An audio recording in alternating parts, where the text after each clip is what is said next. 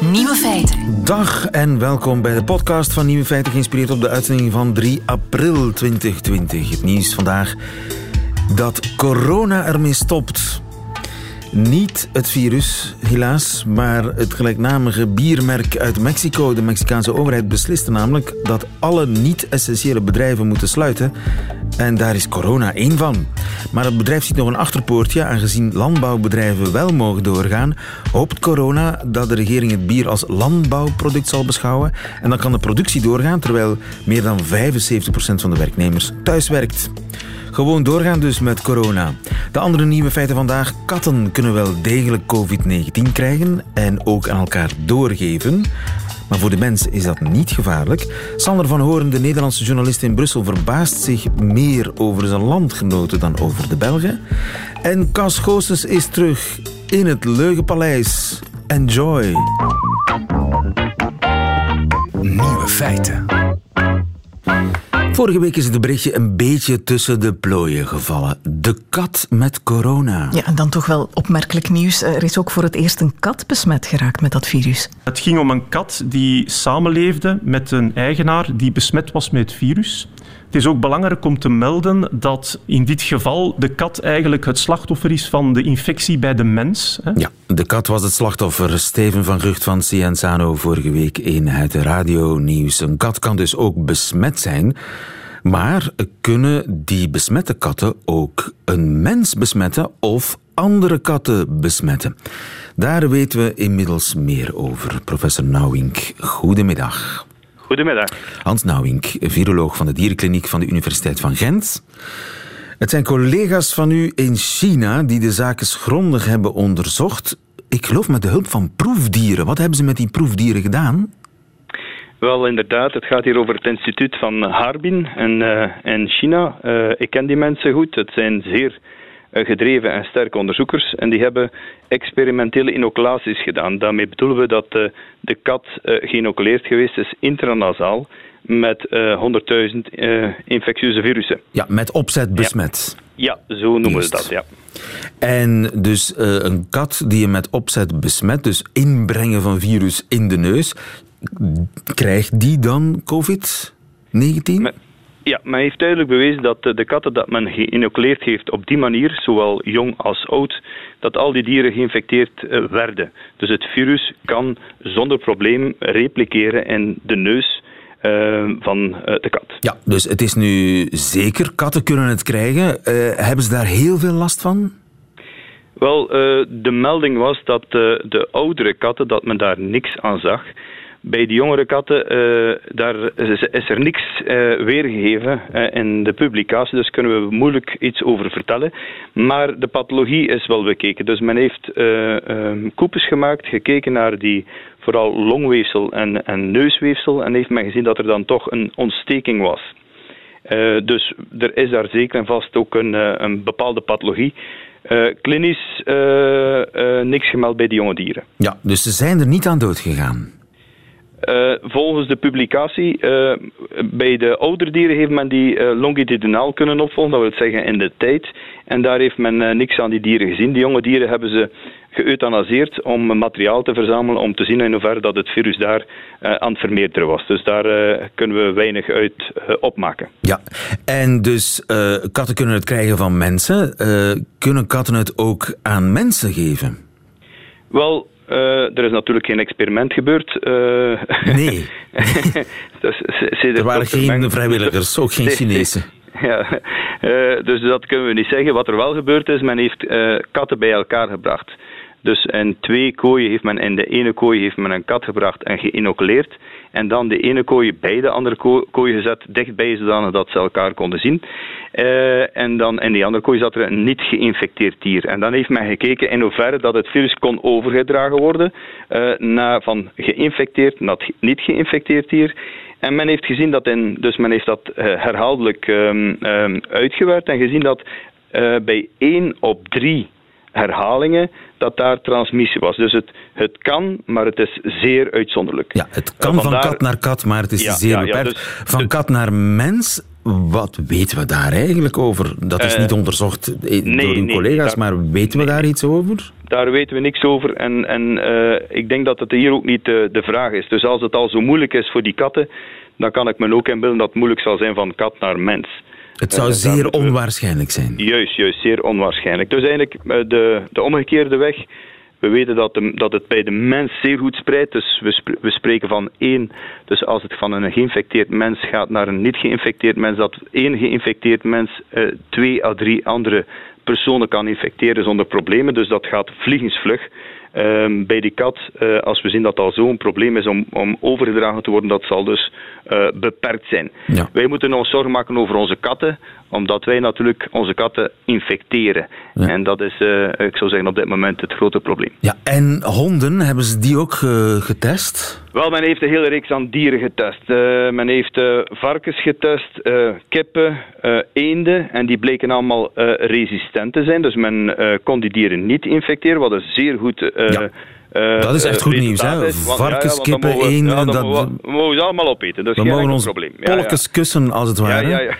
Ook voor dus de verspreiding van het virus en zo, en, en voor de landbouw, dat, dat zijn dat, gigantische... Dat, zit goed, dat zit zeer goed, dus we moeten ons daar geen zorgen over maken. Bij honden, daar heeft men gezien dat van de vier honden dat men geïnoculeerd heeft, dat er twee geïnfecteerd werden. Dus dit is ook een zeer slecht infecteerbaar dier. En ik denk als we kijken naar de, uh, de praktijk dat dat zal neerkomen op niet geïnfecteerd worden. Dus de, hond laat ons dat dier ook buiten beschouwing nemen. Ja, de, kans is eh, theoretisch dat een hond besmet raakt. dat zou ik, ik zou zeggen niet op dit moment. Ja. Uh, er is ook, en ik wil dat wel even zeggen, vandaag een nieuwe publicatie binnengekomen van Wuhan. Daar heeft men, dus we weten dat er heel veel problemen geweest zijn bij de mens. Men heeft daar ook uh, een, nu een studie gedaan bij honden die men, uh, die men test heeft. Dus men heeft bloed genomen, serum afgetapt en gekeken of dat daar antistoffen in zitten, antilichamen. Als er antilichamen in zitten, dat wil zeggen dat het dier in contact geweest is met het virus. En men heeft gezien dat van de katten die men getest, getest heeft, dat daar 10% uh, besmet geweest. Van de katten? Dus ja, van de katten. Dus dat valt uh, relatief goed mee, zou ik zeggen. Dus de In Wuhan zijn 10% van de katten ja, ja, ja, uh, besmet geweest met het, met het virus. Het blijkt uit steekproeven. Dat, dat, ik, ik heb nog één vraagje. Als een covid-patiënt zijn hond aait... Want ik kan me voorstellen dat je eenzaam bent in quarantaine, dat, je, dat je je hond wel eens vastpakt. Kan dat virus aan die hond zijn vacht blijven plakken? Dit is je weet dat het virus overal kan blijven plakken en dat dat een bepaalde tijd kan uh, infectieus blijven. Dat wil zeggen dat het uh, nog zijn ding kan doen eenmaal dat het in contact komt met. Dus uh, daar moet, moet, je, moet je weten dat als je dan aan die hond komt en je komt er dan mee aan je, aan uw gezicht, aan uw mond, dat het dus wel degelijk mechanisch kan overgedragen worden. Ja. Dus uh, voorzichtig zijn, zeker dan voorzichtig zijn, ja. Als dierenartsen bijvoorbeeld. Ja, ja, ja. dus als, als een hond, en de dierenartsen zijn daarvan op de hoogte, dus als een hond of een kat of, of wat voor een dier ook rondloopt bij een covid-patiënt, dan zijn die dieren potentieel uh, gevaarlijk voor overdracht. Uh, men is daarvan op de hoogte, men weet dat. Uh, en natuurlijk, daar gelden dan ook de regel, regels als die, dat dier op de tafel gestaan heeft bij de dierenarts dan is het ook aan de dierenarts om uh, handschoenen te veranderen, uh, maken dat alles gereinigd en ontsmet is. Dus men is daarvan op de hoogte en men, uh, men doet, dierenartsen zijn op dat vlak zeer goed opgeleid. Uh, men doet daar ook alles, men doet ook alles aan om zeker niet deel te nemen in het uh, verspreiden van het virus. En dan voor alle duidelijkheid, niet omdat de kans groot is dat die hond besmet is met het virus, dat die hond ziek is van, nee, nee, van COVID, maar die hond is kern, eh, of heeft een andere ziekte, een andere ziekte, maar hij is een, een drager, gewoon, hij is een go-between. Op zijn vacht, hè? Op zijn vacht, ja, tussen, tussen een menselijke Passief. patiënt en een eventueel slachtoffer. Die, de kans is natuurlijk heel klein, die door die, die vacht waar die COVID patiënt eerder met zijn uh, vochtige handen overheen is gegaan ja. om, uh, om die vacht aan te raken en zo zelf ook besmet te geraken. Ja. Dat zijn allemaal kleine kansen, maar uh, voorzichtigheid is geboden natuurlijk in deze. En ja. dierenartsen zijn gewaarschuwd en zullen ik wil, zich ook... Ja? Ik, ik, wil wel nog melden dat dus op dit moment, want we, we, zitten met één kat in Luik, daar moeten we nog zeer logisch kijken in hoeverre dat dat dier werkelijk besmet geweest is, want men heeft daar een PCR-test op gedaan. En dan moeten we nog duidelijk zien in, in hoeverre dat het hier besmet dat, geweest dat is. Dat was die kat die in het nieuws is geweest Ja, en, en leuk. Ja, ja, Daar zijn we nog niet helemaal 100% zeker van Wel, dat ze effectief ik, die ziekte had. We zijn, wij zijn bezig om een uh, serologische test uh, op punt te stellen om die antistoffen op te sporen. Ik heb al mijn diensten aangeboden aan de mensen van uh, Luik om daar zeker van die kat een staal te krijgen. En dan gaan we kijken in hoeverre dat de, de kat zeer logisch gereageerd heeft. Is dat zo? Dan is het dier inderdaad besmet geweest. Is dit negatief, dan gaat het over contaminatie en dan moeten we opletten natuurlijk. Ja, dan moeten we het is inderdaad... Ook, uh... Ja, het is, het is ook zo dat we alle katten op dit moment die verdacht zijn, uh, grondig bekijken, analyseren. En op dit moment uh, valt het allemaal zeer goed mee. Dus de mensen moeten zeker en vast geen enkel schrik hebben. Zeker niet van honden natuurlijk, we hebben net uitgelegd waarom. Maar ook niet voor de kat. Want ik hoor links en rechts dat bepaalde mensen toch raar kijken naar hun kat. Uh, het is omgekeerd. Hè. Uh, de kat zou vol schrik moeten kijken naar een eigenaar. En uh, in feite, als ze weten dat hij COVID-patiënt is, zou ik als kat gaan lopen. maar ja, maak dat de kat wijs. Professor Nauwink, dankjewel. Okay. En ik hoop dat u ons op de hoogte houdt mocht u nieuwe bevindingen krijgen. Dankjewel. Professor Nauwink in ja. Gent van de Dierenkliniek van de Universiteit van Gent. Nieuwe feiten.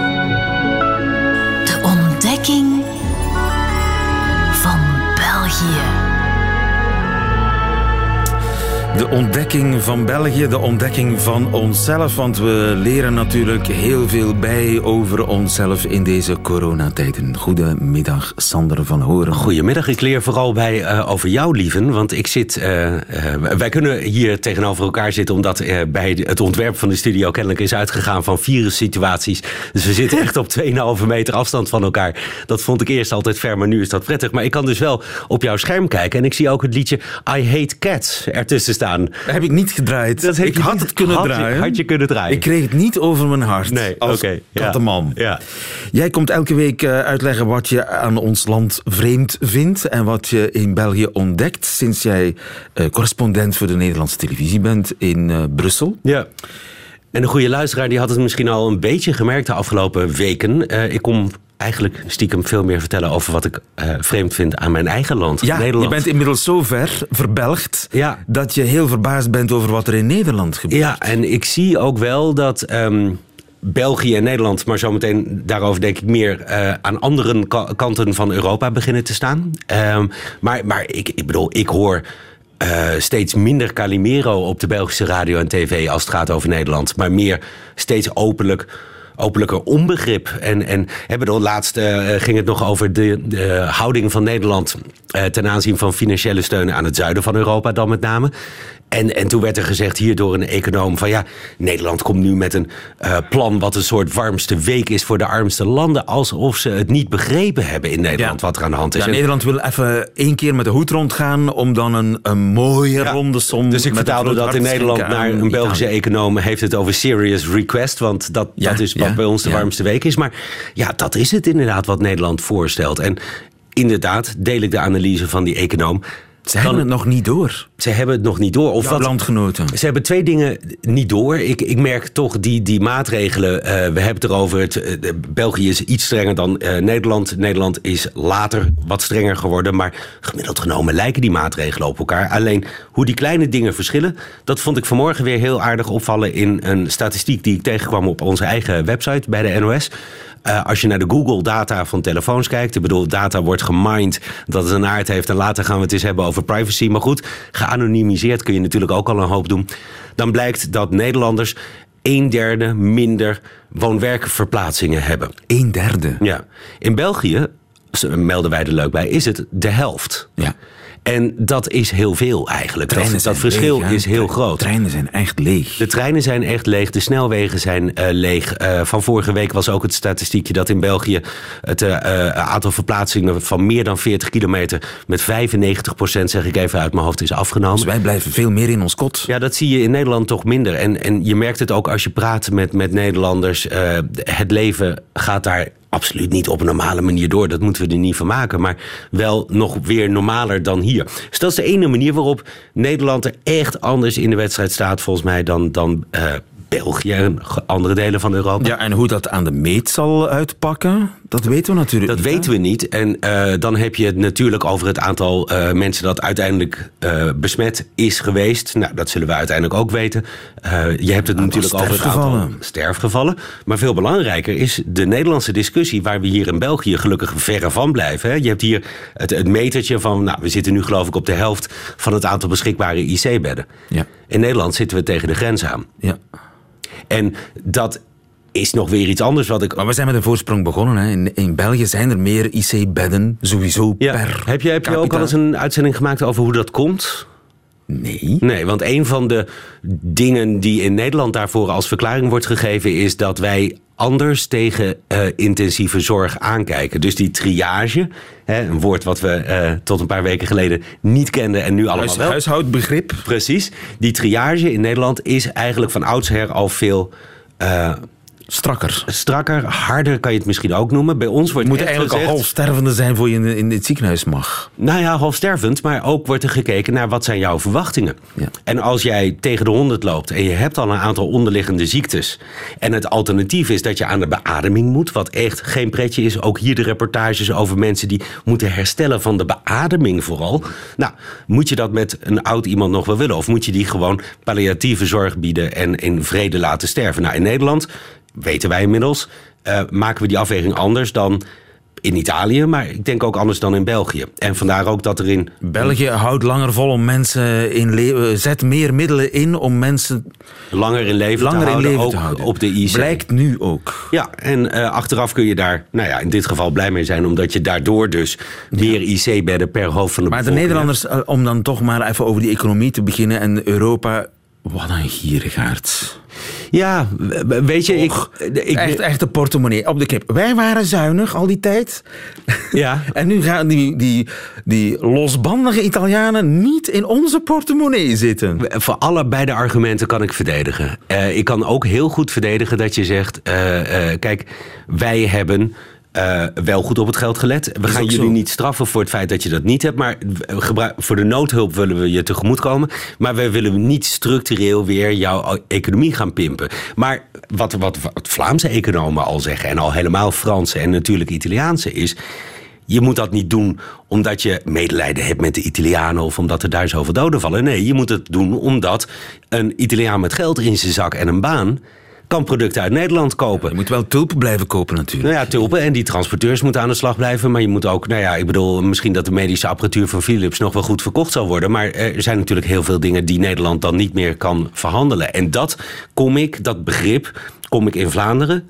Wat in die zin in, op Nederland lijkt natuurlijk. Hè, de, veel, veel productie, eh, transporteurs, een haven die groot is. Eh, dat begrip kom ik in Vlaanderen veel minder tegen. Ook hier natuurlijk het gemopper. Hè, dat heb je al als het over Wallonië gaat. Moeten wij betalen voor die potverteerders. Maar hier gemiddeld genomen heb ik het idee toch meer het begrip van... We doen het niet uit liefdadigheid. Het is geen warmste week voor die landen in het zuiden. Het is wel begrepen economisch eigenbelang om die mensen daar te Misschien helpen. meer crisisbesef in Ja. Vlaanderen, in België. En wat ik op termijn eigenlijk ook nog wel grappig vind, maar misschien moeten we het daar apart een keer over hebben, is wat deze coronacrisis voor de Benelux gaat betekenen. Natuurlijk helemaal niks, eh, behalve dan dat we nu voor het eerst sinds, ik weet niet hoe lang, eh, fysieke grenzen hebben. De markt tussen Lanaken en, of de grens tussen Lanaken en Maastricht dicht als de markt er is. Eh, maar ook op een gegeven moment was er kritiek op Nederland. Werden er voorstellen gedaan in een brief ondertekend door een hoop regeringsleiders. Dus een brief eigenlijk tegen Nederland. Ondertekend door België en Luxemburg. Ja, de grens tussen Noord- en Zuid-Europa loopt ergens in de buurt van... En gaat die nog helemaal hersteld worden? We zullen het uit- uiteindelijk gaan merken.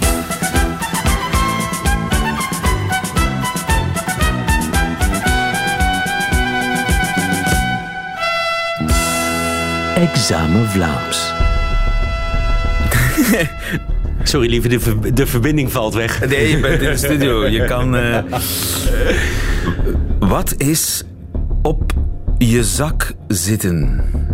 Op je gat zitten, denk ik. Nee. Nee, op je zak zitten, op je geld zitten dan? Ja, ja, ja, ja, ja, ja, ja, Je hebt hem helemaal De hand, goed. de hand op de kniphouder, zouden wij zeggen. De hand op de knip houden, op, op je zak zitten. Op, hij zit op zijn zak. Dat is eh, toepasselijk. Ja. Maar helemaal off-topic nu. Maar we hadden het... ehm, straks hebben we het Leugenpaleis liggen. daar. Oh, het Leugenpaleis. Het Leugenpaleis? Wat is het Leugenpaleis? Nou, dat zal het parlement wel zijn dan, of niet? Nee, oké. Nee, nee, nee. Het Leugenpaleis is eh, een legendarisch radioprogramma. Misschien wel het meest legendarische radioprogramma ooit. Begonnen 30 jaar geleden op Studio Brussel. Bij toeval. Ja. Het was eigenlijk niet gepland, maar het, was, het is gegroeid. Eh, gemaakt door Hugo Matthijssen en Bart Peters. Bart Peters is... Ja, ja, ja. Die ken je. Die ken ik, ja. En een legendarische radio. En nu hebben wij, naar aanleiding van de coronacrisis... Ja, ten behoeve van de mensen die thuis zitten en oh, knarsetandend in quarantaine... hebben wij de beide heren bereid gevonden om een Leugenpaleis Revisited. Dat is een reeks dat nu loopt in Nieuwe Feiten. Straks overigens aflevering 4. Leuk. En vorige keer ging het over eh, de Javel der Liefde. Juist. De Javel der Liefde. Maar wat is Javel? Ik was al bang dat je dat ging vragen. Ja, de mantel zou ik dan zeggen, maar... Dat is de, ja, overdrachtelijk eh, de Javel. Nee, de Javel der Liefde. Dat, dat maakt alles. Ja, we zullen het met de mantel der liefde bedenken, maar je doet die. Ja, oké. Javel is chloor. Bleekwater. Bleekwater. Ja.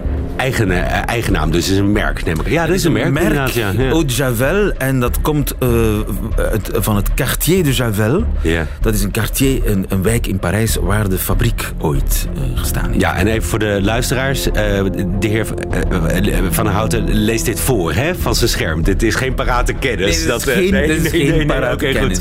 Ja. Eh, Oké, eh, kuis jij tegenwoordig? Eh, ja, de poetsvrouw komt niet meer. Ja, dus je weet wat kuisen is. Eh, wassen en plassen, ja. En heb je ook een droogkast?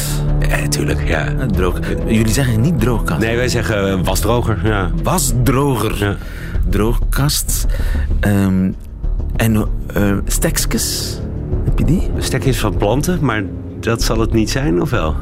Stekjes? Stekjes, stekskes. Ja, dat zegt iedereen weet wat ik bedoel in Vlaanderen. Van Ja. Limburg tot... Maar Als je bijvoorbeeld fornuis wil aansteken, heb je misschien wel stekskes nodig. Ah, lucifers. Lucifers. Oké. en zo zijn we weer een stap dichter bij eh, verbelging. Ja. Maar het gaat goed, dankjewel Sander van Horen en tot volgende week. Nieuwe feiten. Radio 1. Goed, eh, en dan is het nu tijd voor eh, de, de return van eh, de comeback van Cas Goossens eigenlijk. Want ja, ik heb net uitgelegd het Leugenpaleis, wat dat betekent. Op dat moment, jaren 90, is Cas Goossens de baas van de VRT. De grote baas van de, de CEO, hij, is nog in het leven. En Cas Goossens schreef ooit een boekje bij ons in het dorp. En hij, Cas Goossens woont in de Kempen in het dorpje Itegem. En dat was toen voor eh, Hugo Matthijssen en Bart Peters de aanleiding om een soort fake Cas Goossens in Itegem op te voeren. En daar gaan we nu naartoe. Dus dit is ook de comeback van de Cas Goossens uit het Leugenpaleis. En het is Hugo Matthijssen die online op bezoek gaat bij Goossens in Itegem, in de Itegemse coronakliniek.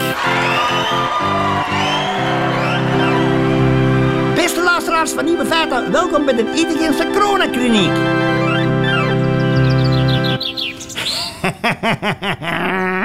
De Hugo, zeg. Dag meneer Goossens, Eh, hoe, hoe gaat het met u? Och, Matthijs, dus ik hou me eigen wat bezig, hè.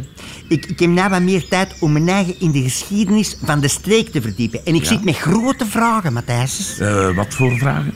Vragen over de oorsprong van de corona-epidemie. Ja, die komt toch gewoon uit China? Nou, dat zeg jij, Matthijs. Maar kende jij het dorp Nijlen? Eh, ja. Dat, dat ligt hier vlakbij eigenlijk. Hè? Maar er woont een heel ander soort volk. Sympathieke mensen daar niet van. Maar die zijn wat primitief, die zijn wat gewelddadig en niet al te slim, Matthijs. Maar pas op, dat zijn zeker goede mensen, zeker en vast. Hè? Ja, ja. Maar die hebben al tien en het ander op hun actief qua ziektes, Matthijs.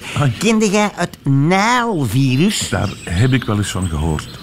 Ja, je denkt toch niet dat een viroloog zijn virus gaat noemen naar een rivier? Belangen niet, Matthijs, dat komt van Nijlen. Ah. Heb je al gehoord van de grote Nijlense armverwijdering uit 1924? Eh, nee, ik denk het niet. Ja, natuurlijk weet jij dat niet, want ze hebben dat in een doofpot weten te steken.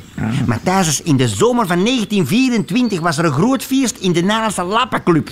De, de wat? De Nijlense Lappenclub. Dat is een vereniging voor mannen die elkaar eens geen lap geven. Op café of zo. Allee, ja, elke Nijlense vindt je was er lid van. Uiteraard, want, want fichte, dat was niet meer hun lang leven, verstaan? Ja, ja. De traditie wou dat er op dat feest naast zeeën van bier en sterke drank ook volle vent zou worden geserveerd. Ja. Het koninginnenapje, zal ik maar zeggen. Maar in Nijlen zijn ze meer rep, rep, rep, republiekjes.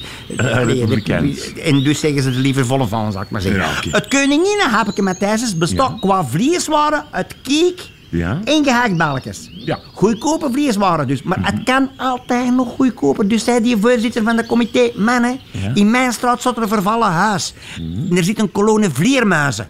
Zullen we die in de volle vaan draaien? Vleermuizen. De rest van het comité heeft die voorzitter gewoon een stevig pakram gegeven. Ah ja, begrijpelijk. Ja, dat is een typisch Nederlandse manier om instemming te betuigen. Oh. En zo gebeurde het dus. Die beestjes die werden uitgerookt en met grote netten gevangen. En levend in die pot gegooid. Het kwaad was geschieten, Matthijsens. Dus eh, een besmetting met een virus. En wat voor een virus, Matthijsens. Want je kunt van alles zeggen wat je wilt. Maar qua virus, als die mee voor de dag komen, dan is dat geen virus van niks. Hè. Dan is dat die... Matthijsens, de volgende morgen werden die mannen wakker.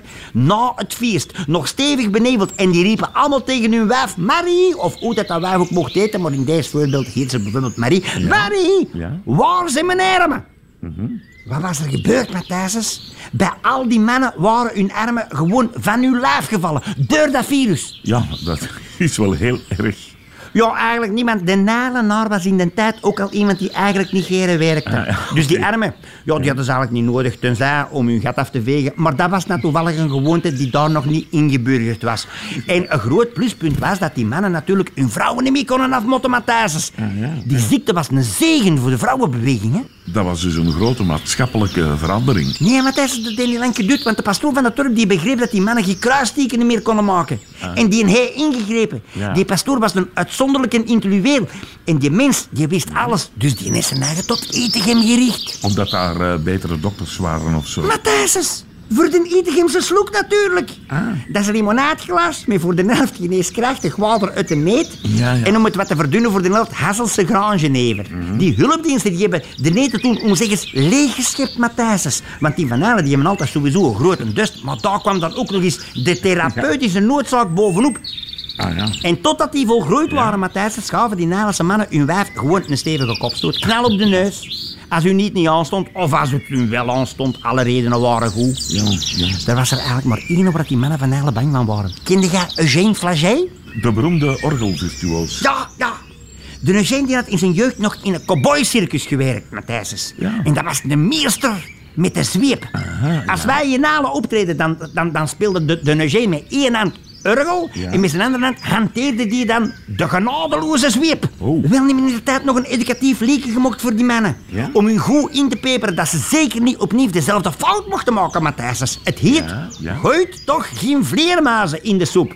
Als je goed luistert, dan hoor je zelfs de zweep van de Eugène tijdens de solo. Want het is live opgenomen in Nalen, Matthijs. Allee, zet het maar aan. Ja. Goedenavond, dames en heren. In Nalen, we gaan beginnen met een educatief liedje en het heet Gooi toch geen vleermuizen in de soep. Pas toch op, pas toch op, pas toch op. Gooi toch geen vleermuizen in de soep. Doe niet zot, doe niet zot. Zwier toch geen vleermuizen in de pot. Ook al is het net een droom van elke culinaire fan, gooi toch geen vleermuizen in de pan. Och ja, een vleermuis dat kan goed smaken. Daar is gemakkelijk aan te geraken. Je vindt die beesten in elke grot, in elk donker leegstaand kot. Een saus van vleermuis, zwezerieke, dat is om duimen en vingers af te likken. Maar al komt het water u in de mond, qua voeding is een vleermuis niet gezond. Kom, Eugène, solo! Ja, die een dikke, geef die maar eens een farmenpits. Oei! Yeeha!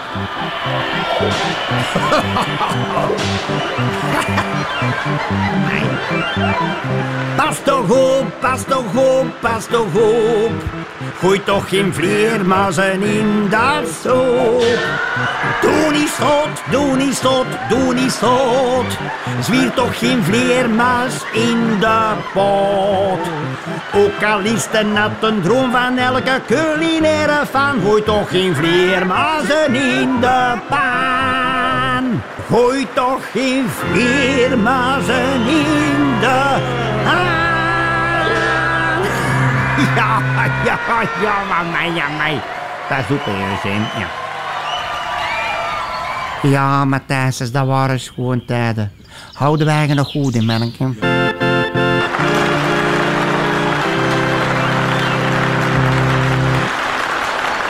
Nieuwe feiten. Een eh, hoogtepunt toch, een radiohoogtepunt. De comeback van Cas Goossens en Hugo Matthijssen in Leugenpaleisstijl in eh, Nieuwe Feiten. Volgende week zijn we er even niet, want dan is het Classics eh, 1000. Maar eh, over een week zijn ze er weer, die beide heren. Nieuwe feiten. En eindelijk weten we wie de echte Hercule Poirot is. Uh, Hastings, you're dressed in haste. Your tie is to one side. Hm. One must not let oneself go, Hastings. I cannot eat these eggs. They are of totally different sizes. Eh, I cannot eat this. John Vervoort, goedemiddag. Goedemiddag. Heerlijk toch om eh, Hercule Poirot te horen. Hoe heette, de, hoe heette de acteur ook alweer? Het waren verschillen, hè? maar er is één. David Ja. Suchet was de Ja, bekendste. Hè? dat is waarschijnlijk de bekendste, ja. Ja, Maar eh, Peter Justinov, Justinov heeft hem eh, prachtig gespeeld. En Kenneth Branagh heeft hem gespeeld. En onlangs nog John Malkovich. Dus Ja, ja. er zijn een aantal grote mensen die hem al geportretteerd hebben, ja. John, je bent Japanse acteurs hebben Japanse hebben- hebben acteurs ook niet te geloven. Misdaadliteratuurkenner ben je, Agatha Christie fan. Er is een maatschappelijk werkster uit Libramont in eh, de provincie Namen of Luxemburg. Ik wil er vanaf zijn. Luxemburg, denk ik. Die eh, heeft vijf jaar gespeurd. Die maatschappelijke werkster, ze heet overigens Catherine Servet, in allerlei archieven en ze is er zeker van dat zij de echte Hercule Poirot, is te zeggen de man op wie Agatha Christie zich gebaseerd heeft, dat ze die heeft gevonden. Over wie gaat het? Wel, ehm, zij zegt dat vandaag in een eh, krantenartikel, maar ehm, en, eh, ik, ik weet eerlijk gezegd niet of eh, zij doet alsof dat haar unieke vondst is. Want het verhaal dat zij vertelt is eigenlijk al wel wat langer bekend hoor. Oké. eh, ehm, naar, wat, naar wat ik ervan weet. Maar zij heeft. Eh, ik vermoed dat zij inderdaad wat genealogie heeft gedaan. Maar het verhaal is eigenlijk het volgende. Eh, er is een eh, mevrouw eh, in het zuiden van Engeland. en in de oorlogsjaren vangt hij een aantal Belgische vluchtelingen op. Ja. En ehm, die heeft daar zelfs een lijst van samengesteld. Want zij, in een boekje schreef ze al de namen van de mensen die zij opving. En dat, is- dat is wel een lijstje van een, eh, een 500 namen. En eh, in die lijst staat een zekere Jacques-Joseph Hornet. Ja. Niet, ehm, Want in de krant 57 jaar- hebben we het nu over, over Jacques-Joseph Amoir. Ja, ja, maar eh, in eh, de lijst staat eh, blijkbaar, of anders was dat slecht geschreven of fout geschreven, maar staat een zekere Jacques-Joseph Hornet, 57-jarige oud-politieman, die samen met zijn zoon Lucien eh, op 18 januari 1915 arriveert in het zuiden van Engeland. Ja, maar het gaat om dezelfde man waarschijnlijk. Ja, ja eh, een kleinzoon van die mevrouw Clapp heeft eh, zelf als speurwerk gedaan. Vandaar dat ik denk dat het verhaal niet helemaal uniek is. En die heeft dan later ontdekt dat die eh, Hornet, dat dat, dat, dat dat misschien een schrijffout is geweest, dat dat inderdaad een zekere Jacques-Joseph Hamoir moet zijn geweest. Ja, maar het gaat om de dezelfde man.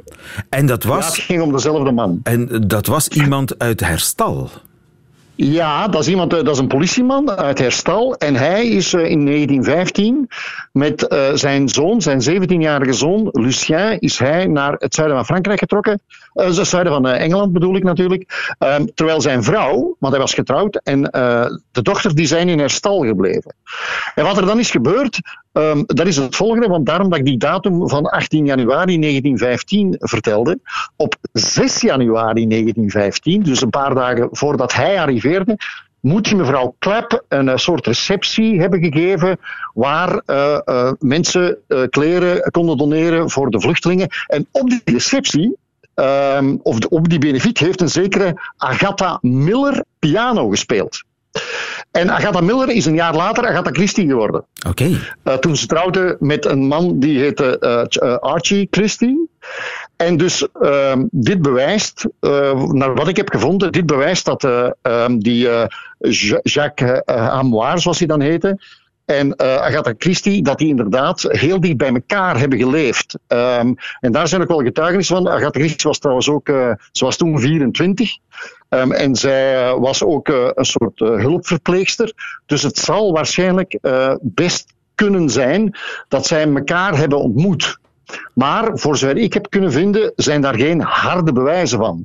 En heeft Agatha Christie daar zelf ooit iets over losgelaten, over haar wel, inspiratiebron voor uh, Poirot? Nee, zij heeft, denk ik, bij mij weten nooit gezegd dat hij gebaseerd was op één bepaalde man die zij als jonge vrouw heeft ontmoet. Wat zij wel een aantal keren heeft gezegd, uh, is dat hij de naam, in ieder, dat, dat zij er een Belg van gemaakt heeft uh, voor haar speurder. Omdat ja, nog eens, uh, hij is bedacht in de oorlog, dat is wel zo. Ehm, maar ze zou er een Belg van gemaakt hebben, omdat zij heel veel sympathie had voor het kleine volkje dat de Duitsers weerstand bood. En de naam uh, Hercule Poirot zou ze gehaald hebben uit uh, twee namen uh, van speurders die toen populair waren in boeken die nu al heel lang verdwenen zijn. Namelijk een zekere Hercule Popo en een zekere Monsieur Poiret. Ja. En dat heeft ze dan samen gebundeld. Hamvraag lijkt mij, heeft Jacques-Joseph Amoir een snor? Hij heeft een snor, want uh, er staat een foto. Er is, er is, een foto van hem met, uh, in, een, in een statig uh, legerpak of uniform of politieuniform. En daar heeft hij een snor op. Niet zo'n puntige snor als Poirot meestal, heeft, maar hij heeft wel een snor. En ja, de man had ook, naar wat ik, wat ik op de foto kan zien, Um, heeft hij ook zijn haren zo plat, helemaal plat achterover gekamd. Um, en het kan zijn dat die man, uh, dat nog eens de kans is redelijk groot, denk ik, dat we kunnen zeggen dat die twee elkaar hebben ontmoet. Maar hoe ze elkaar hebben gekend, in hoeverre ze elkaar hebben gekend. Uh, uh, nog eens, hij was 57 en had een zoon van 18, die trouwens in uh, zuiden van Engeland verdronken is, spijtig genoeg. Ja. Uh, zij was 24 en verloofd, dus in hoeverre zij elkaar echt hebben gekend. En in hoeverre uh, hij die... echt de inspiratiebron is geweest voor Hercule Poirot. Wel, ja, we kunnen het haar niet meer vragen, hè. Dus het zal wel nee. altijd een mysterie blijven. Kunnen we het daarop... Dat, dat, dat, dat vond zij ook, ook leuk, dat ze niet alles prijsgaven van die man. Um, en uh, dat er nog altijd wel een klein beetje mysterie bleef van wie die kerel eigenlijk was en waarom hij in Engeland was en hoe hij uh, met vrouwen omging en zo. Dus uh, ze speelden daar wel een beetje mee. Ja, Jacques-Joseph Amoir is misschien de echte Hercule Poirot. Dankjewel. Graag gedaan. John Vervoort, goedemiddag. Nieuwe feiten. Dat waren ze, de nieuwe feiten van 3 april 2020. U krijgt alleen nog die van Nico Dijkshoorn in zijn middagjournaal. Nieuwe feiten. Middagjournaal. Beste luisteraars, tijdens deze crisis word ik bijna dagelijks herinnerd aan mijn ongeduld. Ik ben niemand die schreeuwt tegen zijn koffiemachine. En nu ik erover nadenk, dat zat er al heel jong in. Ik keek, toen er nog gewoon filterkoffie werd gezet, minimaal vier keer in het filter of er nog steeds water in stond. Fluitketels, het hele idee is dat je het water kookt en dat je dan zelf ondertussen iets anders kan gaan doen. Maar bij mij werkt het anders. Ik blijf ernaast staan, waarschijnlijk in de hoop dat water dan voor het eerst sinds de oerknal gaat koken bij een temperatuur van 80 graden Celsius. Bij water is het nog wel te overzien, maar ik heb het ook bij een slowcooker.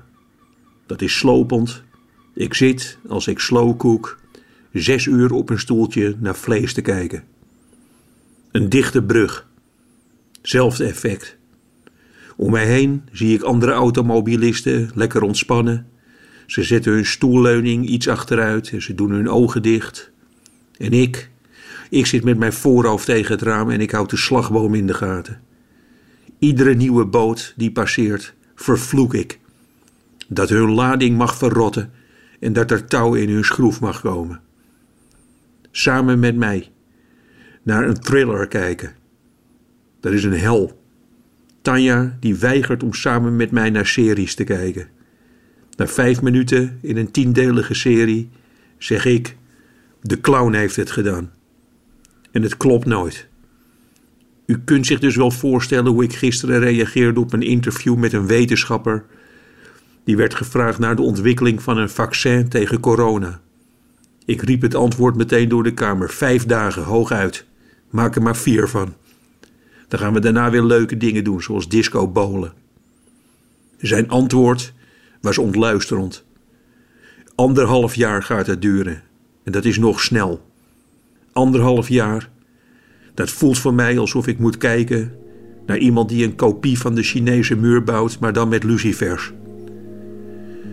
Anderhalf jaar geduld hebben luisteraars met alle andere mensen op aarde. Ondanks alle ellende en al het verdriet is dat heel misschien een klein lichtpuntje. Dat ik eindelijk eens, samen met u allemaal, leer dat je geduldig moet wachten. Daarna, als alles weer goed is, zal wachten voor altijd iets heerlijks zijn. Gewoon de tijd hebben wordt mijn nieuwe geluk. Denk ik. Tot volgende maand. En dat is 30 dagen een maand.